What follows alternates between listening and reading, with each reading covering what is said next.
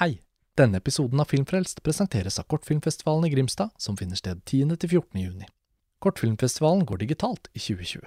Hvor enn du er i landet, kan du i år være med på Kortfilmfestivalen fra din egen stue.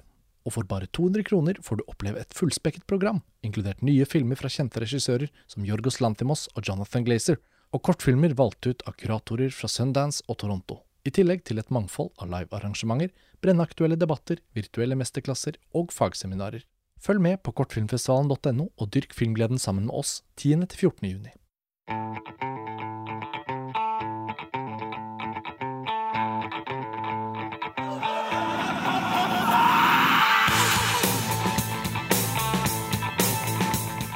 Hei og velkommen til en ny episode av Filmfrelst, podkasten fra filmtidsskriftet montasj.no. Mitt navn er Karsten Meinick, og i denne spesialepisoden av Filmfrelst skal vi snakke på engelsk, fordi vi har en internasjonal gjest som også har deltatt på den alternative Cannes-festivalen, som har utspilt seg nå mellom 12. og 23. mai. Og i kombinasjon med at vi har dekket festivalen med våre faste bidragsytere og gjester på podkasten som dere har hørt ofte før, så har vi hele tiden hatt en plan om også å trekke inn eh, noen av våre internasjonale kontakter, som vi da ofte nettopp møter ute i filmfestivalfloraen. Og med oss i dag så har vi en italiensk filmkritiker, og jeg skal introdusere han, men skifte til engelsk, slik at han skjønner hva jeg sier. Mr. Tommaso Tocci, film critic from Rome. Welcome to our podcast, Film Frelst. Hi, thanks for having me. It's great to have you on. Uh, I was thinking, Film Frelst, what's that in English? Saved by cinema. Saved by cinema, okay. It's, it's truly a pleasure. A dream of mine, actually. So, to, to take the listeners into uh, one of the ways we meet throughout the year, it's uh, a film festival somewhere. Last time it was in Berlin. And uh, you meet these crazy Norwegians running around and constantly going off to make a podcast episode. Uh, and you're often going off to write, you know, and you have deadlines to different uh, publications that you deliver to. So we have these meetings in and around the film screenings, and then we go off in separate directions. And some evenings we can also meet for a drink and talk about cinema. So, so now finally, the mysterious podcast. Now you're on it. Yes, I mean it's I, I always hear about it and it's a constant frustration because when you're writing you would like to be on a podcast. And i imagine maybe when you're constantly on a podcast you would like to just sit down and write and not to think about the technical uh, issues and the minutiae. Um, so it's always a balancing act but what matters is as you said there's this distinct presence of this norwegian gang uh, of great friends. And you know they're always together and when you know that when you see one it's probably the others are not that far so it, it's instantly a moment of joy whenever a festival um, comes around and uh, and we can see you all. That's good to hear. Uh, I'm uh, I'm happy that you're not annoyed uh, or frustrated by the by us yet. Uh, we should also mention, Tommaso, that you have actually had one text published on Montage International Edition. Uh, you um, you said yes when we contacted you last year before the Venice Film Festival because a Norwegian film was invited to participate in the Giornate competition. Uh, Dag Johan Haugerud's Beware of Children, or Barn as it's called in Norwegian. Yes. And as we've experienced before, the seldom occasion when a Norwegian film participates in one of these major competitions, uh, it's kind of more interesting to us to read a take on the film that is not from a Norwegian critic because we are a small country and because it's somehow there's a cheering positive attitude from every member of the Norwegian film industry when one of our own films goes all the way to the big scene. So even though we are uh, critically, uh, you know, free to say whatever we want, and we would say it, I don't know if we're able to to to give a proper perspective on the actual international scene, like as hard and cynical it can be, but also as welcoming and curious as it can be. So, uh, Italy is, of course, your world, and uh, I just had a feeling that it could be interesting. And you said yes to the task, and I thought your text was uh, really interesting. So I'm happy that we've published one of your texts at least. And I'm very happy to have written it and to have been asked. Uh, it was an incredible experience because there's this barrier. We're used in the world of um, film journalism to be fairly borderless, meaning that many of us, including me, write uh, in English for some international publications, and then also you write for your in your home language for your home country. But obviously, with we are not. Uh, uh, we're not so good that we can uh, extend that to all the languages we like. So there's always this barrier. And again, this also goes for the podcast, which I always see you guys do, but I can never truly take part in. So this is um, it's it's fantastic for that reason. And writing for uh, montage was uh, was incredible, and the film is I think um, really stood the test of time, and it will continue to to stay relevant. It's actually you always do this this bit where you pretend that uh, oh Norway such a small country uh, there's never uh, any Norwegian films, but actually that's not true. And when there are films in festivals, they're always noteworthy. I think. Well, I'm happy to hear that, and um, it's a bit I- introverted to first present you as a writer for montage. I, what I was actually going to say was that we need to get to know you a little bit better before we dive into the theme of the podcast. And getting to know you better is to get to know a little bit more about where you work as a critic. Uh, so you have to sort of give us a small introduction of your uh, your activities. Sure thing. So, um, as you said, I'm uh, originally Italian, and for a long time I've actually uh, I've not worked uh, for Italian publications. I've only worked for mostly American, British, uh, North American publications. Most recently, I've uh, been working a lot with um, Ion Cinema in Canada. Yeah. Uh, doing both uh, video interviews and, and reviews.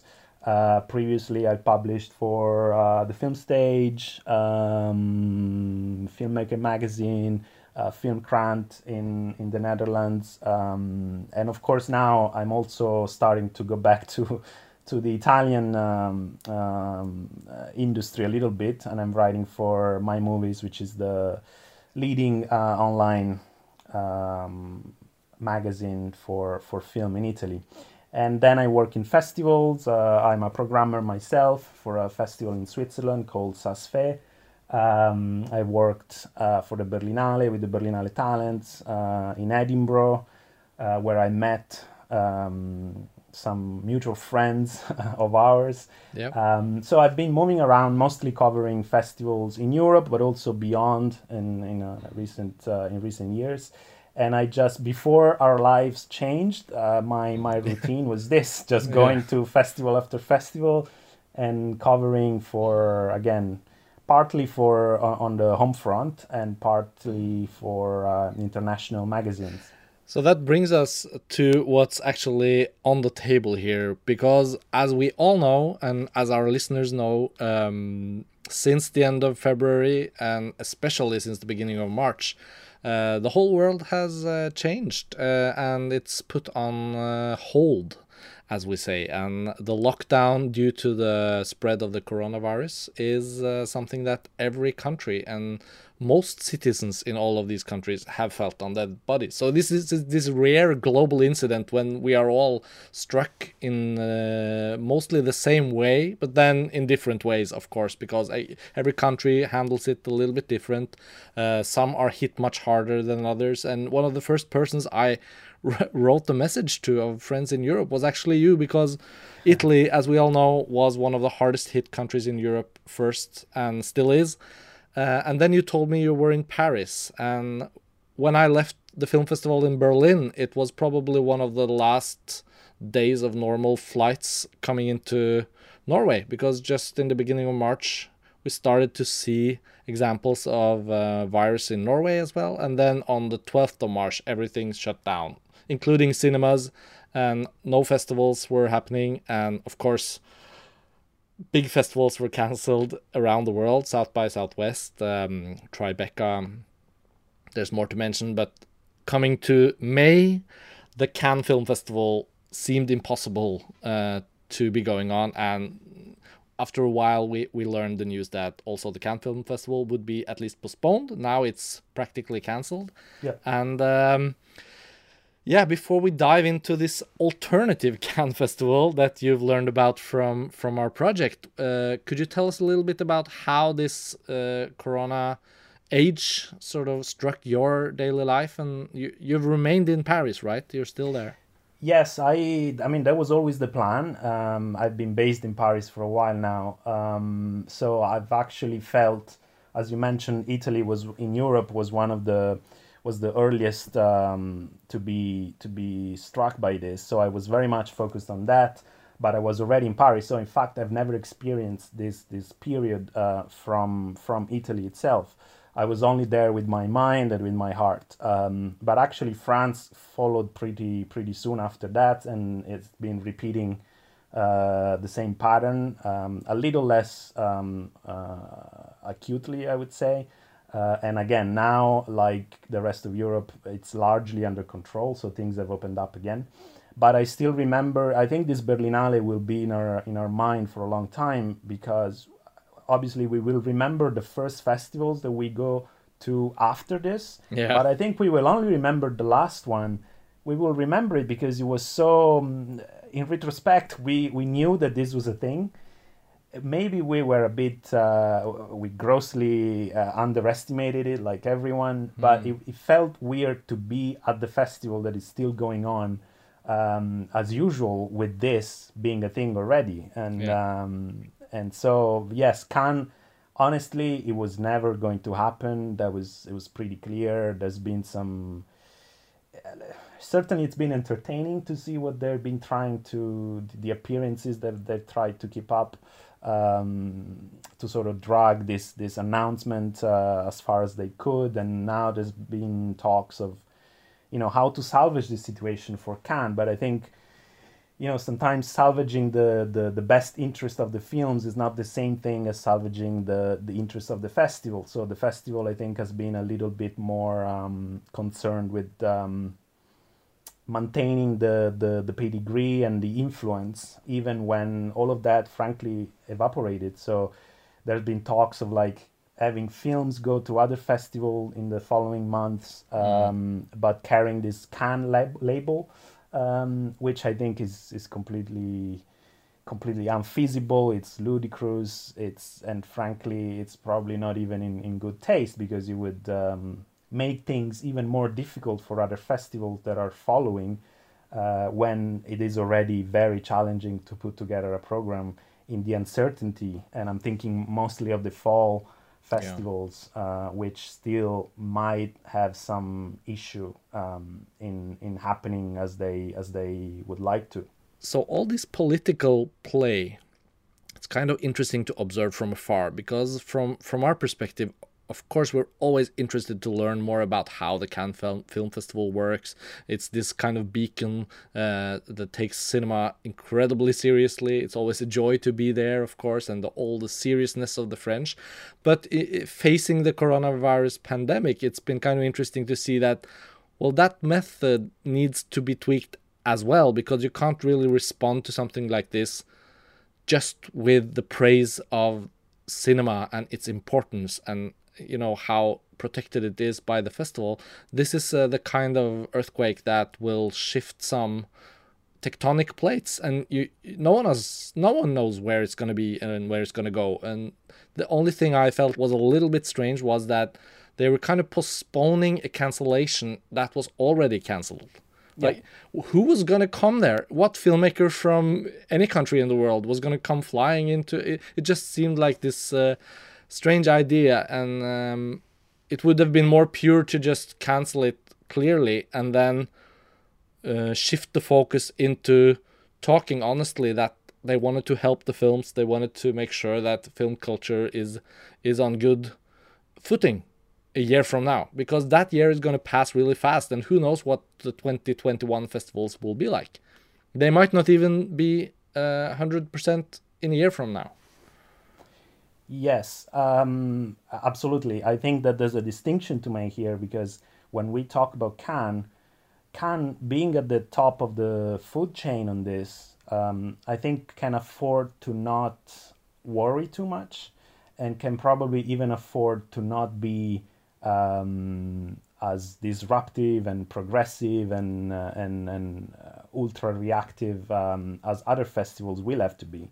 Um, which Yeah. again, to me, also means that you should use this position of privilege to at least conduct uh, yourself in a with a bit more grace, I would say, um, because as you said, this was never going to to to, to happen, and this this prolonging of the cancellation.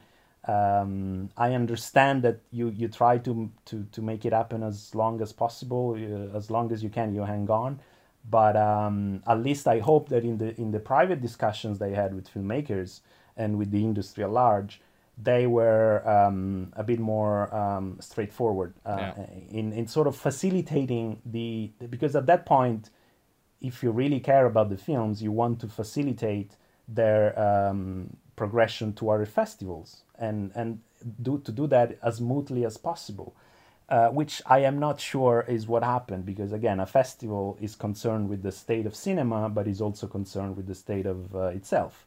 yeah. And uh, again, but again, not many festival can can frankly afford to say, you know, no more Cannes. We'll talk about Cannes in 2021. yeah. You will hear about us. Uh, you will hear from us then. Yeah. And now we just very gracefully just Step you know, bow yeah. Hmm. out. Yeah, exactly.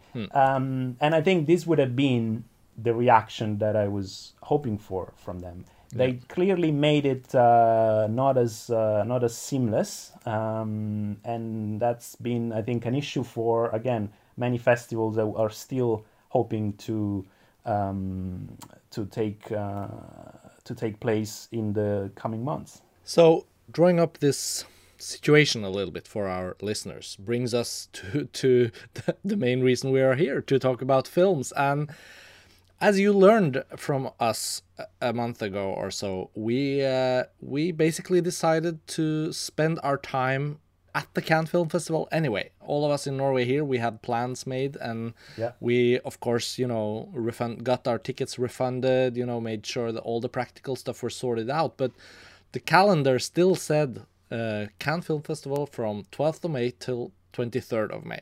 And after a few ideas were thrown around in our office, we realized that, you know, we should actually, you know, spend that time uh, honoring uh, watching films like we do at the festival and making uh, making use of this unprecedented situation, looking back at the Cannes history and see if we can rediscover some films that we never had been able to see. So from that idea, we got this alternative program going, and one certain rule was set that we had to program films we had never seen before. And uh, at the point when we had an English translation, I sent you the program and I said, you know, Tommaso, take a look. Uh, what do you think? You know, could this be something uh, fun to follow along with for you as well? I knew you were on lockdown in Paris, and I'm sure you had a lot of work to do. But you know, we all watch movies, and um, after a while, we realized that you were going to follow along a little bit and join the podcast. So, what was your sort of reaction to the program itself? Uh, not necessarily the idea as such, but you know, the films looking at Cannes history like that. Well, Are you ever curious to, to look back at what was programmed at a certain festival, you know, 10, 20, 30 years ago? Uh, yes, the answer is absolutely yes. Um, so let me um, take this back uh, uh, just a moment because I know just to comment on the idea, I think that not only it's a great idea, but um, it's the most because you're not the only ones who have been thinking about a variation of this. Uh, but I have to say this is this is the idea um, fully formed. So more than anyone else, you managed to make this a real thing with um, with hooks into the reality of how a festival like this would play out, which I think Yeah. is what makes a difference. Because you know Yeah. it's not just a list of films on paper; it's also the way that you program the, the subsections and how the films relate to each other, and even how you say. I, I loved how you said in the in the text you know figure out how to find the films. It's, Yeah. it's on you. We're not just uh, pretend to to give you this and that. You know Cannes is hard. Yeah. so just go go go out and do it somehow. Um, Run off, which- kids. yeah exactly. And and so i highly respect that. And i think it, it's been an incredible experience because as you said the idea of making it not only um, uh, sort of an, an all-star game or a can of can, um, but something specifically geared to the idea of discovering things that you haven't seen. Yeah. Um, it's what I think makes a difference. And um, so I've been browsing the program, and there's plenty of things that I've seen. There's plenty of things that I have not seen. But then it becomes a problem of availability, of time. So it's been interesting to see how initially I had these grand plans of like carefully crafting my own schedule at your uh, virtual festival um, with as much thought as you put into the programming. But the reality is that, as sometimes happens in real festivals too, you just have to go with the flow and things happen and you're, you're, you're no longer in charge of your schedule. Um, so that's what happened and i uh, but i i'm happy with the with the selection that i found myself with i have to say. The the way that the films sort of uh, balance the sections the countries um, uh, so it's been a bit um, random but i'm pretty happy with and I also i con- I, I plan on on continuing um, even further because i put some more on my watch list and i'll i'll be Yeah, i'll be good. filling up those slots So can I just ask you, just to start somewhere, when you were browsing it, what what was the most famously good film that you hadn't seen, like the big gap in your uh, sort of film history? Because we've been nakedly honest over here, you know, we're Yeah. ad- admitting to to some of these gaps and saying it out loud, you know, guys. There's so much we don't know, and we're gonna try to r- discover some of these films. Was there any titles on the list that you felt like, wow, that's that's actually a film I haven't seen yet? Yeah, um, actually, yes, more than I care to admit. You can just admit to some of them. uh, for example, I mean, even the um, actually a couple of the ones I've picked are pretty big because we're talking about like famous, influential films um, like A Man and a Woman. But we've discussed about The Cranes Are Flying. Um, Harakiri, which I saw, is also it's it's a it's a major landmark in Japanese cinema, and uh, of which I was well well aware, but I just never never got around to see. Um, I had some of my favorites, like um, Investigation of a Citizen Above Suspicion, which felt deeply familiar to me. Um, so it was good to see it there. Um, but there's there's many more that I have not seen. There's um, I have not seen the Miklos Jancso, the Confrontation. There's a ah there's a Flight of the Red Balloon. Never seen that. Me neither. You know, we had a couple of days ago, we ended up having like an Italian episode because we had we knew when we programmed that there's these these incredible films from Italian film history that are not even as famous as the most famous ones because for a couple of decades or more you would probably protest. But let's say that you had a couple of decades where Italian films in all kinds of genres like from Sergio Leone on one hand to Dario Argento working his ways like there's so much stuff going on from 40s 50s 60s 70s uh, probably also 80s but you know and Elio Petri, for example, I had never seen a single one of his films. Ah, And when I saw Investigation of a uh, Suspicion, what's the English title again? Um, of a Citizen Above Suspicion. yeah, exactly. Hevet over mistanke is the Norwegian title. Uh-huh. I was just blown away. Now I'm like ordering Elio Petri books online, and I'm just like thinking I'm gonna watch all his films. And I that kind of discovery is what the whole project was gonna be about. Um, and many of the uh, Italian titles, naturally, probably you know, were were screened for you at birth. So I'm sure you know them pretty well. But Yes, but, for example, that also carries another type of um, of of sort of default in a way because, um, as you know, there are films that precisely because they they that they're familiar to you from like a very early age is stuff that you haven't seen in a long time. So, Yeah. for example, and I've just uh, I've been reminded of this by what you were saying. Uh, Miracolo a Milano by Vittorio De Sica is something that honestly I think technically I have seen it, but uh, if I'm honest, I should uh, I should count it as uh, as not seen because I don't I don't remember anything, and also I was not um, I was not old enough or, or wise enough to to truly appreciate it as an adult. So, for example, that also goes Yeah, in the list of stuff that I would need this see very again. specific kind of gap when you have actually seen it, but you know who knows. Yeah, exactly. Um, I had it with that for uh, Stanley Kubrick's The Shining was like that for so many years. Ah. I'd seen it on television when I was too young, and it was too scary, so I couldn't really watch it on, properly. But it made a lasting impression, and then suddenly the years I passed, and I watched I watched everything by Kubrick, but I kind of resisted going back to The Shining. And at some point, I was part of conversations, you know, in my mid twenties, and I realized I can't say shit about The Shining. You know, it's just this bizarre fever dream that you know played out on television with uh, my whole family in the room, and I was kind of watching it, kind of not watching it.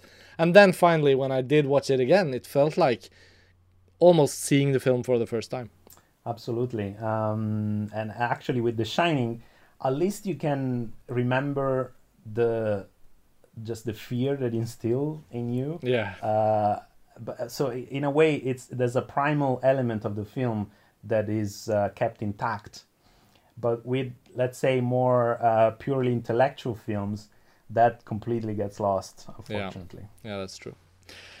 So, um, where should we start? Like, should we take a film and just Yeah. talk a little bit about it? That's that's normally how we move along here. Uh, I know you've also seen one of the Norwegian films in the program, but Of we can we can wait a little with that. Um, Yeah. What's been what what's been uh, hitting you hardest? Okay, so in terms of pure quality, in terms of pure stopping power, Yeah. um, I would say it's probably Harakiri uh, by Masaki Kobayashi. It's from 1962, uh, and he won the jury prize. Yeah. And it's it's a it's Japanese masterpiece um, that I think um, I know that there's been a remake by Takashi Miike, which again I've not seen that either. I probably you I'm- sure maybe you saw it in Cannes because it's more recent uh, and maybe it was uh, not long ago. I'm yeah, not I, looking I, I know the screening. I, I I remember that film, but I did not see it. Okay. Yeah. I'm not sure that Takashi Miike and uh, we we all enjoy a bit of Takashi Miike here and there.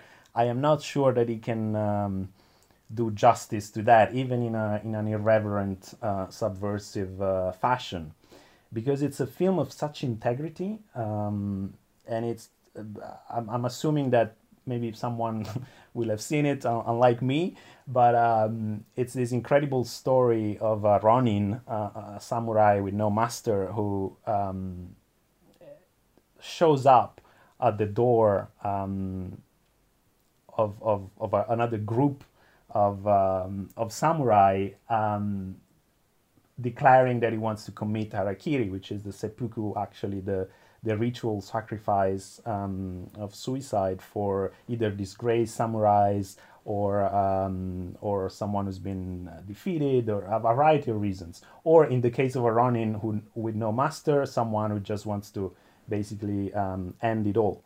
Um, but it's there's I think in a way it is a samurai film, um, but unlike any that you've seen, um, because the, the, the, the, the rigor that comes from the structure, which is the protagonist sitting in front of other people and sort of discussing the the details of this ritual and and where everybody's bound by these moral codes. So the tension comes from there rather than you know the usual um, uh, drama of, of warriors. Um, because in a way it's a it's a crepuscular film about um, the, the, the, Bushido code of the samurai, which also spoke very much of the of the contemporary um, situation in Japan and this sort of um, it's a it's a profound accusation um, about a sort of like dehumanization um, of, of the of the institution and this sort of protecting of protecting of codes that forget the human value that they are supposedly about in the first place. Um, it's an incredible film and it's shot fantastically and uh, it's got so much restraint i found um, there's there's a, there are some concession at the end um, to what you would normally consider the the sort of like samurai showdown but um, but in fact the the the, um, the, the the the big set piece at the end is um, is just steeped in the same um, type of structure that Kobayashi gives to the rest of the film. So the rest of the film is based on this uh, incredibly well blocked scenes. Um, with the camera, it's very still, and it's about the space and how these people talking to themselves um, can sort of function in the context of this of, of this space that they're in. And then at the end, it's it's a sort of um, destruction of the order, physically and architecturally even. So that was, um, uh, I have to say, probably the biggest revelation for me. And also, since we're we were talking about um, you know these Italian films that in the past have been so um, influent in Cannes and in general in cinema. This was uh, in Cannes in 1963. Again, as I mentioned, he won the jury prize in in competition. Yeah. But it, for example, the same competition had uh, Il Gattopardo by Visconti. But Yeah. what struck me, because uh, before you mentioned, you know, do, do you ever go back and look at, uh, at past editions, festival, what was in competition? What uh, I, I was uh, I was laughing because I don't know if you know, but this that same year there were two out of competition films, and they were um, Eight and a Half by Fellini and The Birds by Hitchcock. Imagine Yeah. that as an out of competition slate. but that's that's amazing and you know what what you're describing now is some of the most fun conversations during our research when we went back literally we went back and read every single festival selection in all Yeah. categories uh, and we were playing along you know should we program that one? And you know we really wanted to program uh, henry colpi's or henri colpi he won the palme d'or uh, shared with viridiana long absence but it's nowhere to be found. So we, we we just felt like we can't program stuff that you know our readers Cannes't even watch. That that won't be fun. Um we couldn't watch it even. So uh but it's like like like you described now 1963 can thinking about what to become classics. Uh, and you see at the Yeah. program that eight and a half and the birds are shown out of competition. And Il, Gat- Il Gattopardo wins the Palme d'Or you have Harakiri as well with the jury prize. And uh, uh, there was I think was that also the year when To Kill a Mockingbird was in competition. I don't have the list here, but I remember Yeah, that year um, part of our discussions. Yeah, it's fantastic. Uh, I'm uh, we're gonna talk. We have an episode coming up with some of the Japanese films, so I'm just gonna hold my tongue a little bit. Um, and, Okay. um, but you, you you described the film pretty well. What's your relationship with Masaki Kobayashi? Have you seen any of his other films? I have, but I think this was. Um, I mean, he's known as a filmmaker um, with a very strong, uh, with a, a humanistic sense, and Yeah. much of what goes on in Harakiri is this is the same that you find in the rest of his production, a sort of a lifelong uh, commitment to exposing.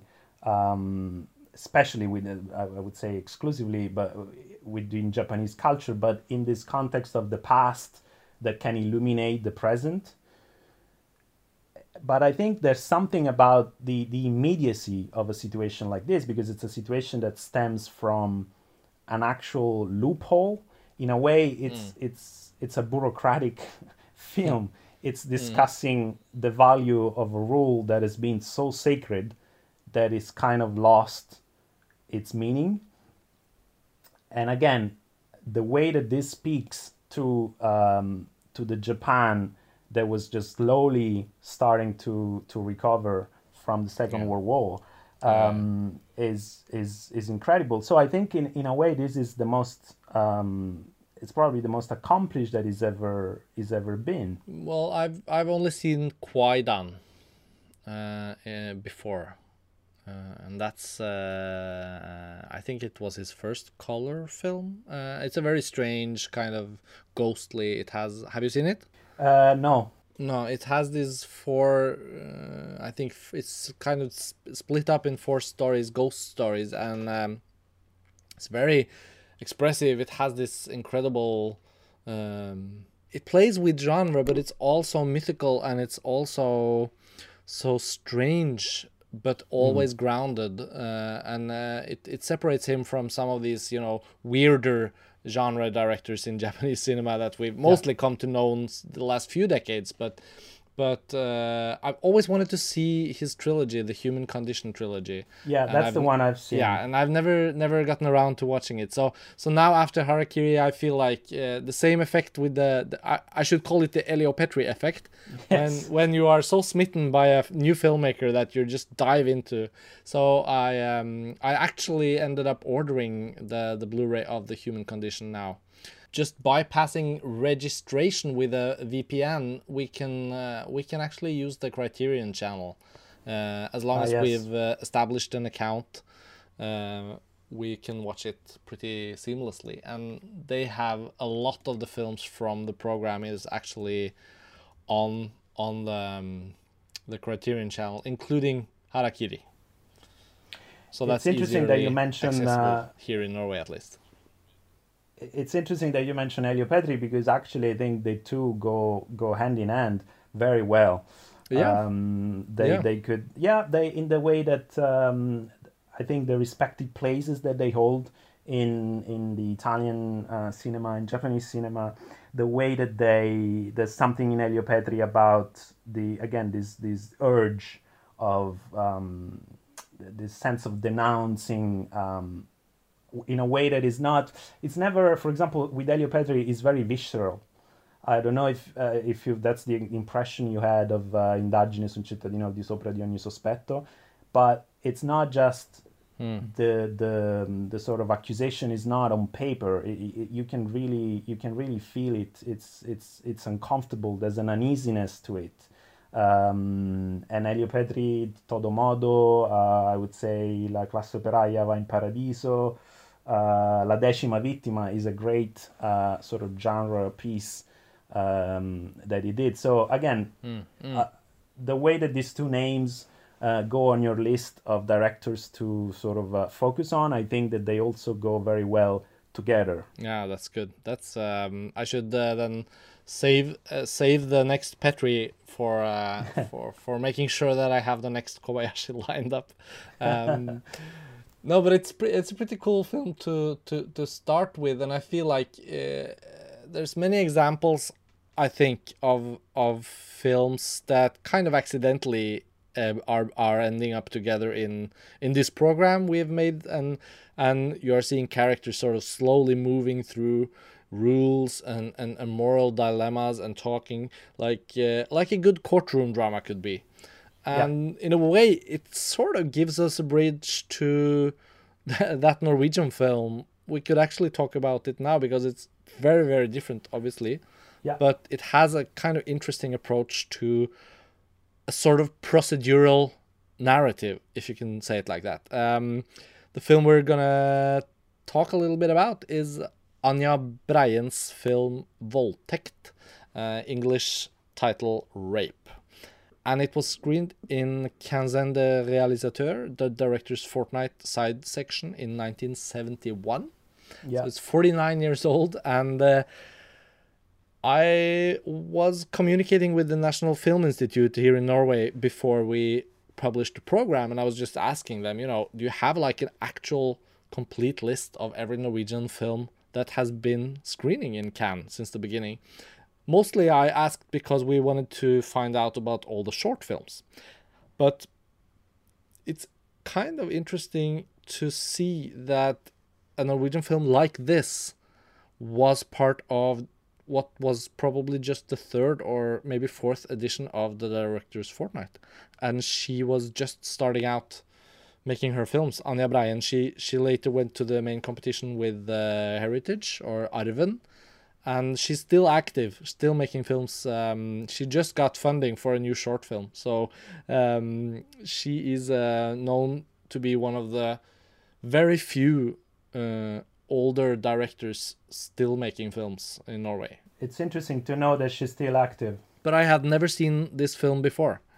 Me neither, and uh, obviously I didn't actually even know anything about it. So um, when you mentioned it, um, it was a total surprise, and it's a film that starts strongly because the I mean it's the title, the international title is already is already pretty direct, and uh, the the first few scenes are are really hard eating. So it's not something you would necessarily expect. Um, but um, I have to say, as the film sort of settles into this very dry rhythm of this, um, again, a, a, very dehumanizing um, system, a, a, judicial system in, in Norway, um, you really start to see the the sort of the nuances of, of of a film like this, which sort of hints at a more detached documentary perspective on the misfortune of these well misfortunes. I mean th- th- that's another thing entirely that maybe we'll discuss about the the actual um, value of having this central character arrested and and charged with these rape accusations. And uh, you know in the current climate that's certainly something that it's even more incendiary probably. But uh, there's I think there's a lot of um, there's a great deal of subtlety in the way that the film, especially as it as it moves along, and especially at the end, it turns from this again um, detached, uh, uh, fakely objective um, point of view on the judicial system into this sort of uh, uh, this uh, existential nightmare of the character sort of trying to trace back his steps Mm. And there are uh, the, the, the last few sequences I found particularly affecting in the way that it's almost like it's the entire life that this person lived that is called into question and is asked to try and remember things but it's like the, the guy is is fading away from his own memories. So that's for me that was uh, that was incredible. Yeah i i was uh, quite struck by the film. Uh, i had an idea about its themes because it's been mentioned many times in articles about this director, but her mm-hmm. most famous ones are the films she makes late 70s, early 80s, and she has this trilogy of films about uh, women called Wives, uh, inspired by Cassavetes' husbands. Uh, she's she she's uh, she's said that she saw husbands and you know she she she felt like she wanted to make wives and and that is a very famous trilogy in Norway. Um, but this film I uh, I actually just never took the time to be honest to to look into it and try to see where it fits in. So it was only now that I realized, well, it's it of of course it premiered in Cannes, and now is the time to see it. And you know, for me personally, this became the perfect time to see it. So maybe I should have seen it ten or fifteen years ago, but finally I did it, and um, yeah, I was struck by it because it felt quite modern. Uh, exactly because she makes these choices. And the crime at the center is an eternal crime, like the rape and the sexual violence. It's always been with civilization, and we never seem to get rid of it. At the same time, the moral question of an innocent man or a guilty man, and you know, mm. who are we to to judge how can we judge? How is our judicial system set up? Will it work to the favor of some sort of justice, or is justice unattainable? Who knows? And in a way, it feels like her film slowly places us in that jury. It, it, it, it, it became to me quite obvious that she she knew how to make use of the fact that we never know if he's actually yeah. guilty or not. And that uh, normally a film would would show us so that we know, but then the whole drama will be about you know the other guys don't know the truth and they need to figure it out because we need justice to to prevail. but what Anja Breien does pretty cleverly, I think, is to constantly keep us not in the know, but we get to see all the facts laid out and we get to spend time with the main character who's imprisoned in waiting for the trial to to be finalized. And then by the end of the film we are still wondering. And yeah. that leaves me at least with the impression that the artist succeeds in also saying that such large moral questions cannot easily be solved and at least not within one film but if I ask these questions, you might keep this film with you. And I felt that was very successful, even though the film is a very sort of minor it's a small story. It's pretty simply made, but it has, you know, without making that comparison too big, it has some of the qualities of a Robert Bresson film. Yes, I agree. Um, I think, for example, what you mentioned about um, not keeping us in the know, um, I would say there are films that do the same, but crucially, they would make that a part of the of the dramatic proceedings, so that we are either with other characters who are also wandering, and that becomes the thing. Here, it's very much it feels like a film based on this interplay between um, like a man and the representatives of the institution and there's no drama there it's because the drama is inherently in the in the lack of everything else Yeah. then you're um, you're giving your testimony or you're give you're being given information. So the procedural aspect that you mentioned in this case actually substitutes um, the normal dramatic element that would at least allow, even with not knowing if the protagonist actually committed the um, the act in question, um, at least they would they would make that a source of dramatic conflict. Whereas here there's only this huge question mark. And all you're left with is with again the bureaucracy of it and how that can destab- destabilize the person but i think that is it's one step forward in this film because we have seen films in which you don't know what happened uh, even with a central character. Um, but that creates usually a sort of like unreliable narrator situation. But here i think the focus is different because there's no actual dramatic conflict around it. So usually then the the the conflict would shift to other characters in this situation and sort of their not knowing. But here with the fact that it, the film is so focused on this um, direct uh, exchange between the person who becomes a sort of like a subject of the of the law. Um, and so there's nothing more than his interaction with either the lawyers or the judge um, and that's where the procedural aspect he kicks in uh, in sort of substituting the entire um, dramatic content. And i think it makes the film much more desperate in a way and in- inescapable. Yeah, no, uh, and I felt again, I felt this was a discovery as well because it kind of fills out my image of her as a filmmaker, and um, uh, I'm I'm sure it's not uh, part of uh, film school to know every Anja Breien film uh, that has been ma- made, but she is famous in Norway to have been one of our international filmmakers from before the 2000s because since the millennial shift we've had a richer film culture just by way of you know being more productive and we've had you know new director stars like Joachim Trier coming up and um, Dag Johan Haugerud Yeah. who you've written about but Anja Breien has constantly been making films and she's been working in documentary and fiction and long form and short form so so we've had many chances to kind of track her career but this one is the meeting between documentary and fiction just at the beginning of her career. So to me, it felt really fulfilling to finally see it and and and get that uh, part of her filmography kind of filled out. Uh, she actually went to the La Fémis uh, Film School in Paris, so she had this uh, oh, very strong connection to French film culture. Yeah, oh that's interesting to know okay but you've never known her from before, right? You.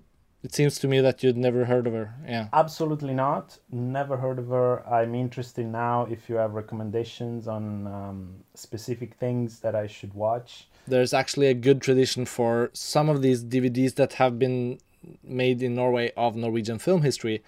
Most of them actually have English subtitles. Ah, okay. So uh, to me, I've always been encouraged to to use those DVDs to to to make sure that you know some international friends or colleagues, film critics can can watch some of these films. So no, there's there's a lot of more Anja Breien movies to watch, and uh, you know whenever you come and visit us for some sort of event in a post coronavirus world, I'll make sure to screen a few of it, a few of them for you.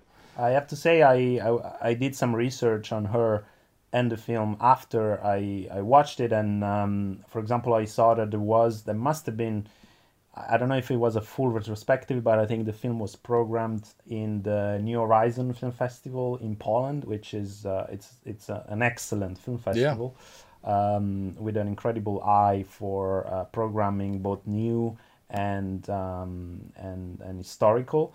Um, so it was interesting to see not that not that many mentions of her and the film in the sort of like uh, on the on the mainstream um, English language web, um, but a few here and there. And I was curious about what the what the reception and also what the uh, the present reception would be because again, it's a challenging film. I, I imagine it is a challenging film, challenging film by itself, but even more so now for Yeah. what it seems to yeah for the scenario that it creates Yeah, and I think it's it also in a post Me Too world, this kind of Yeah. film would be provocative and interesting, and it would pro- it would start many discussions. You know, if if uh, public Norwegian broadcasting was so cool and brave that they would look back to 1971 and you know pick a film out of the National Archive and say, you know, this very interesting Anja Breien movie. We should be showing it. Yeah. It's very clear and pure and probably quite easy to watch because it's not that dull. You know, you can you can get the feeling that some of these type of films would be quite boring, but to me this one wasn't boring because it was so clear. It was if it had any problems, it would be that it was so uninterested in emotional scenes yeah that you could almost uh, challenge if the film is interested to make us feel anything. But in the end, I think it actually does. Even though the, the, the brain probably enjoys the films a little bit more than the heart, uh, I, I still feel that she, she comes she comes home with some of those things as well, particularly with what you were talking about, like that. Let's say it's within the last 15 minutes of the film, there's a change of perspective in terms of how we we get to to know the the inner thinking of the main character. yeah and also it's a very uh, all the the, entire um, final part of the film i think it also it is very much in line with a certain type of 70s um, again existential cinema and so you you sort of see this thing grow and mature from this attempt to um, sort of do a very a very um, dry and detached um, example of a of a procedural into this uh, again to me it, it's a full on nightmare. And uh, that's when for me the as to, to use your description the the, the brain uh, gives way to the feelings. And they are not good feelings uh, which I think makes it very effective Well, it's good now we got we got to have a much longer than planned kind of talk about this film, but I'm happy it stoked some some ideas and and and got you thinking as well. yeah All right, so um, I have to admit I I didn't get around to watch the Christopher Doyle film. Did you? ah yes I'm gonna have to watch it tomorrow. So do you know anything about it no, I mean, so to the listeners, this is the cinematographer Christopher Doyle. is quite famous uh, for those who know, but if you don't know, but you might have seen his films anyway. He's most famous for his collaboration with Wong Kar Wai, the Hong Kong director that we all love, and uh, Christopher Doyle actually made a feature film himself. So, Away with Words, it was screened in the Un Certain Regard, and uh, that seems to be, you know, probably his only long traditional feature film. I mean, even if Christopher Doyle is a big name, this is it, it was truly to see what this thing could possibly be. um, I had yeah. only, I think I had only heard of it um, years ago, so it was a, a- completely undiscovered object for me. Yeah, and it's it's never mentioned, it's never referenced, and no one talks about having seen it. And I think like if it hadn't been published properly by Artificial Eye back in the day, I I don't know if it would be accessible at all. the thing is that um, as you said like christopher doyle is is uh, to say that he's well known is reductive i think he is he must be one of the most is a, a celebrity cinematographer in a way is a, a larger than life figure is a rock star not only for the work he's done, but he, he has this mythical figure. Um, he's a character unto himself. He's, he's a traveler. He's an artist. He's a visionary. But like everything in his life and in his work, sort of contributes to create this um, uh, this highly unorthodox persona. So he, he is more than just a, a, um, a very well known, proficient cinematographer who, as they do, they they strike uh, strike on their own and they you know they make a film. This is so much more than that, and and this is a, a cinematographer who. I mean, the number of masterpieces he, he, he shot for um, directors like Wong Kar Wai, you mentioned uh, Chen Kaige, Edward Yang. Um, I mean, and the, to me, the, the, uh, the interesting thing is that he made this film probably at the height of his career. So this is not a bit later. This is not um, something in, in his youth. This is in the moment when we all think of Christopher Doyle.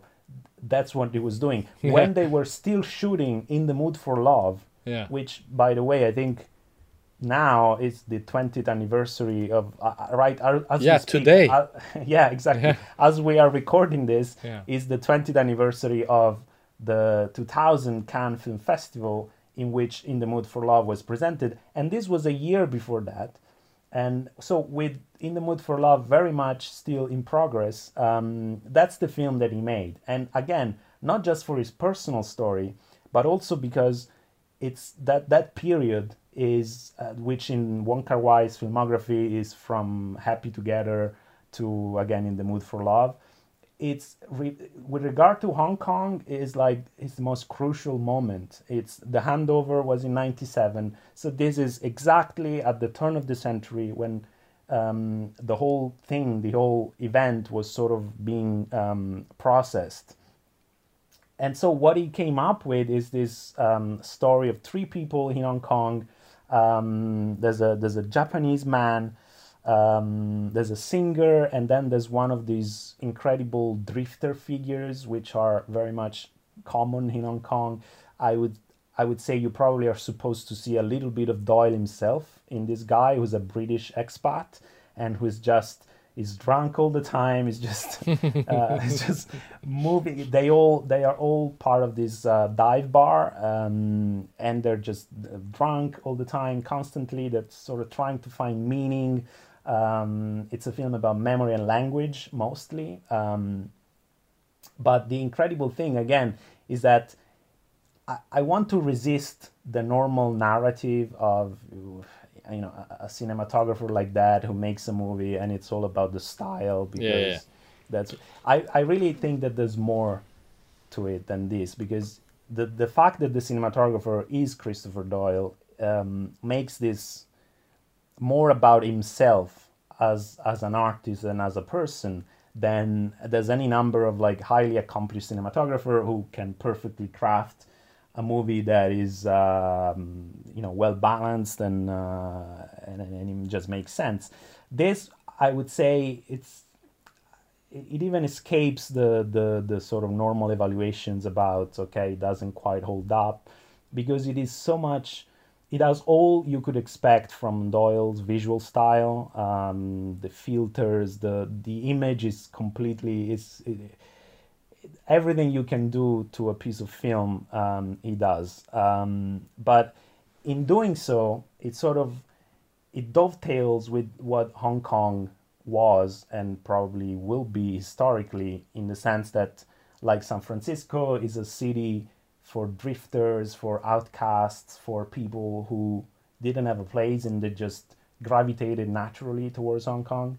Um, but I think that again we have seen that film, we have seen that that sort of um, trying to capture that, and Wong Kar Wai has done some of that. But I think that normally you when you try to do that consciously it doesn't quite work.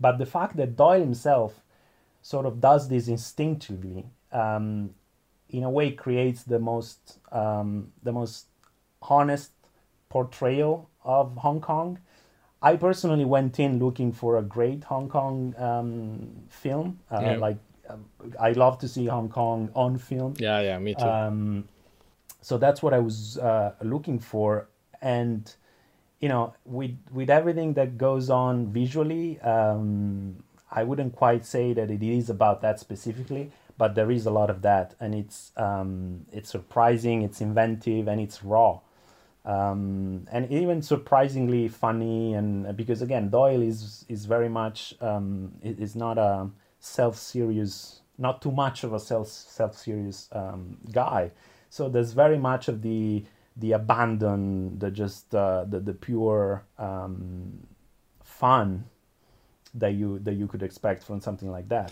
Well, this is uh, very encouraging uh, feedback. I must say that uh, I was already sort of ready and set to watch the movie, but you open it up a little bit more, and I was amazed that you were able to say so much about the film, but actually not saying almost anything about what I'm uh, what's waiting well, for me that's that's conscious because again i was even the way for example the idea that i had about the film was that it was almost a non-narrative yeah. um, collection of images i was expecting i think maybe i saw a trailer years ago i was expecting just a, a highly impressionistic um, depiction of just moments but there is actually a through line um, and, and even a bit of pretension.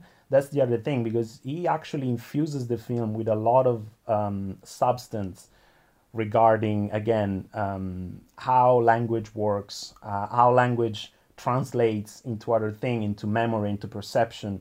Um, i would say that all of that is probably too much for um, it, it doesn't quite it doesn't quite hit the mark in that but i would argue that hitting the mark is a sort of is a moot point with the context of what the film is trying to capture and with the person who made it.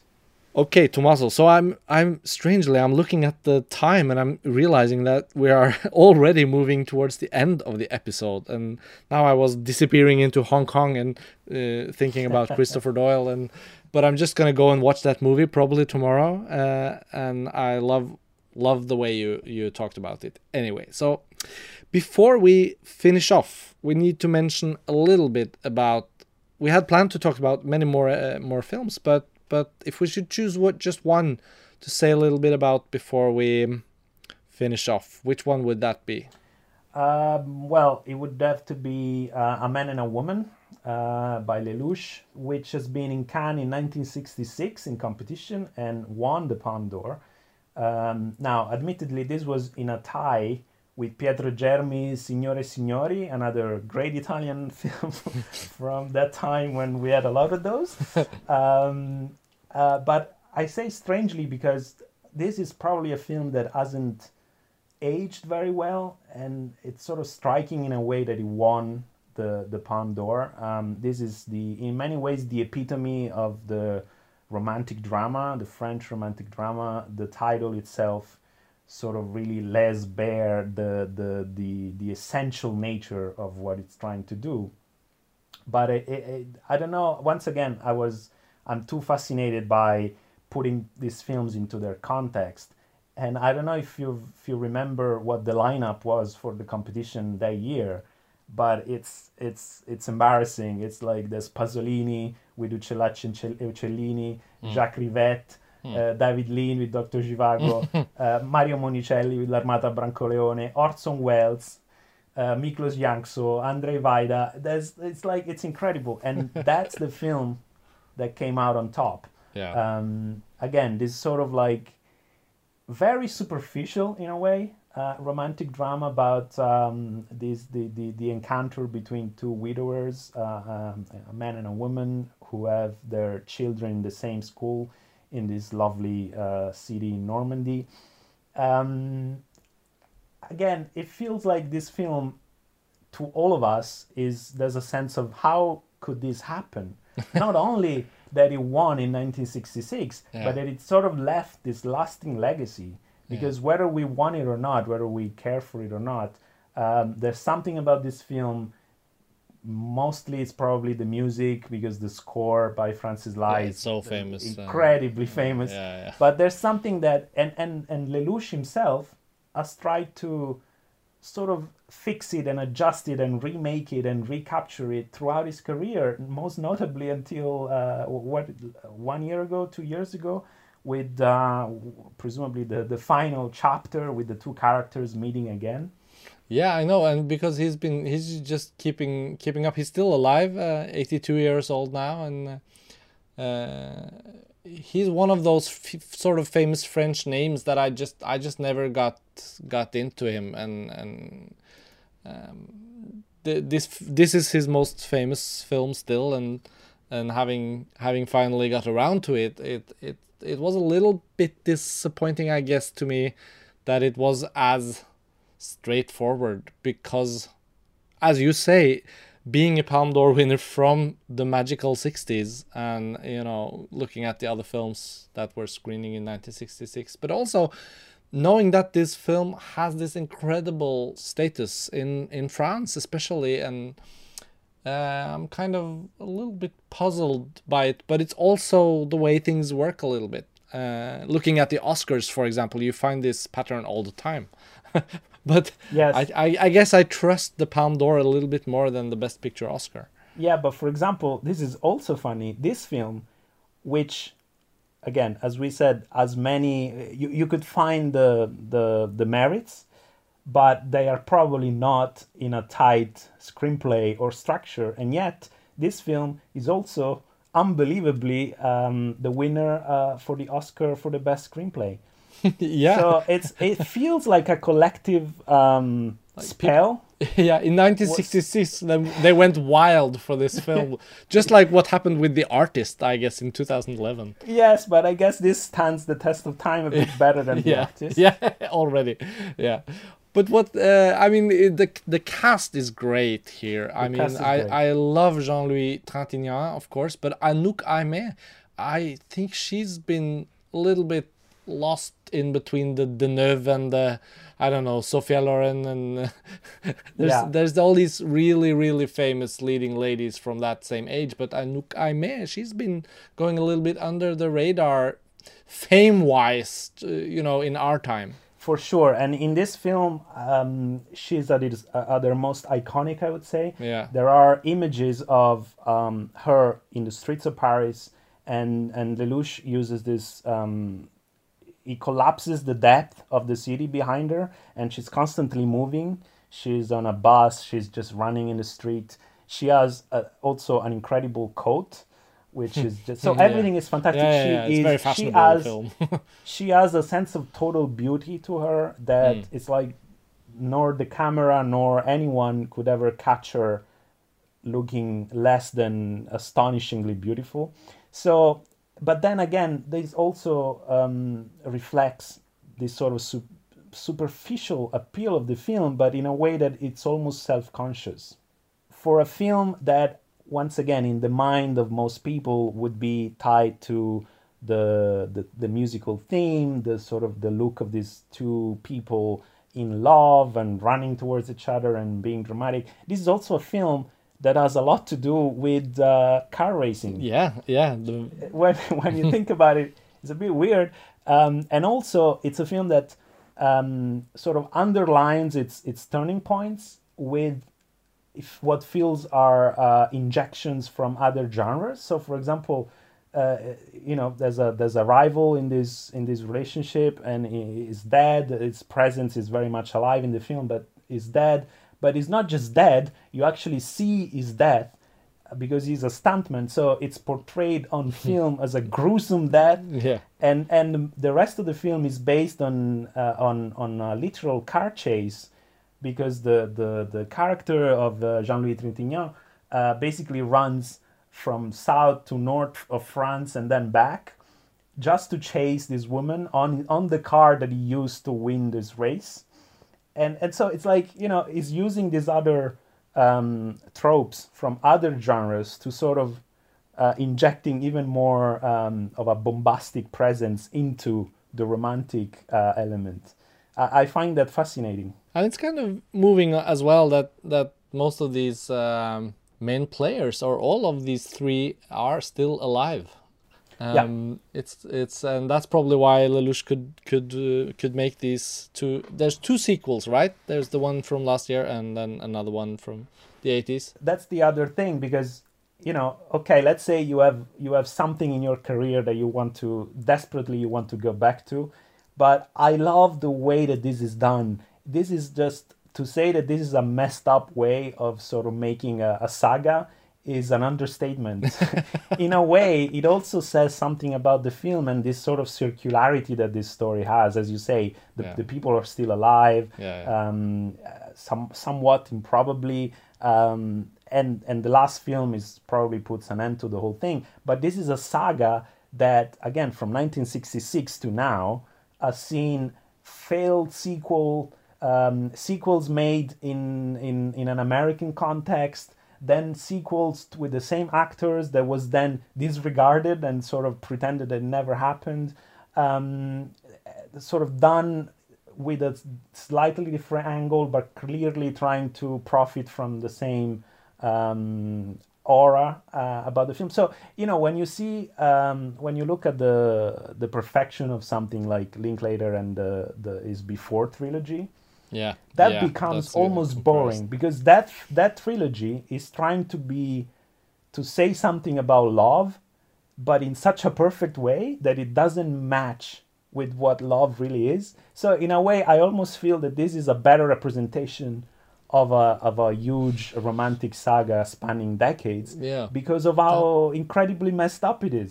Yeah well that's that's an interesting take. I mean uh linklater's before trilogy is one of these unassailed films or trilogies that people love so much that if i if i ever overhear someone trying to say something negative it's like they're being struck down because people have this these films in in in their heart at least the two first ones um uh, to me uh, the third one almost almost infected the two others with a bad spell because I didn't care for the third film at all. Ah. Uh, Ah, interesting. somehow, yeah, yeah, yeah, and a lot of people love that. So Yeah. I, I just felt like mm, it struck some. There, there was finally I could see through the acting and realize it's just. It's just fiction, man. but I was so so you know uh, riveted and and and they were so romantic to me those two first films, and they were taking place you know with nine years in between, matching nine very significant years in my own life. But by the third film, I guess I just didn't really uh, engage with it anymore. So probably it was just as well what was happening with me as what was happening with the movie. of course that's always the case But um, that's a side that's a side note to this whole thing. But but Lelouch's film uh, and and the cast and the whole mythology concerning it and being a, such a famous film in French film history, the music, everything, it's a really significant film to have seen. So yeah it was time and um and Trintignant I mean I love him. And those years in his career is just spellbinding when you look at from I don't know Costa Gavras first film The Sleeping Car Murders in 65 and then A Man and a Woman in 66 I'm I'm jumping between uh, films here but you know suddenly he's doing Z again for Costa Gavras My Night at Maud's The Conformist it just keeps going uh, yeah.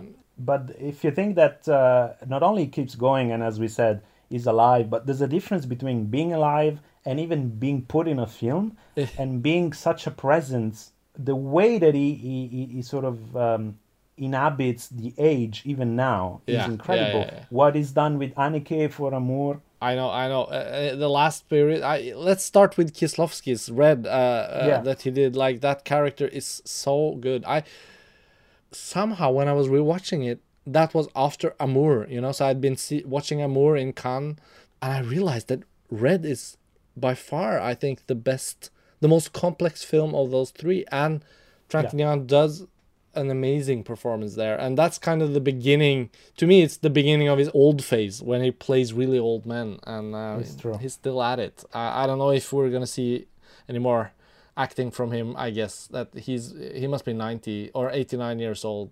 Uh, Yeah. I see. Yeah, now so after uh, Piccoli just passed away Yeah, a few days exactly. ago. Obviously, It seems like that generation is gonna gonna leave us soon. Yeah, I mean, Michel Piccoli was uh, was hanging over this entire discussion because it's uh, you can't uh, you can't help but think of that too. No. Yeah.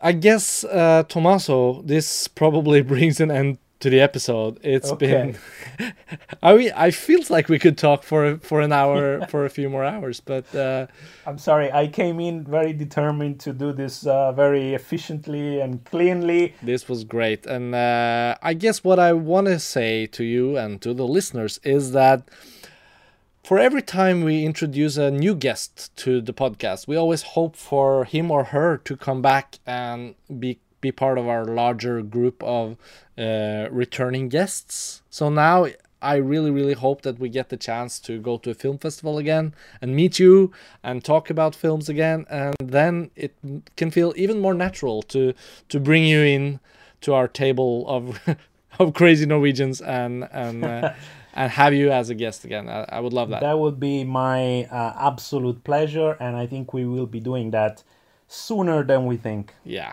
I hope that.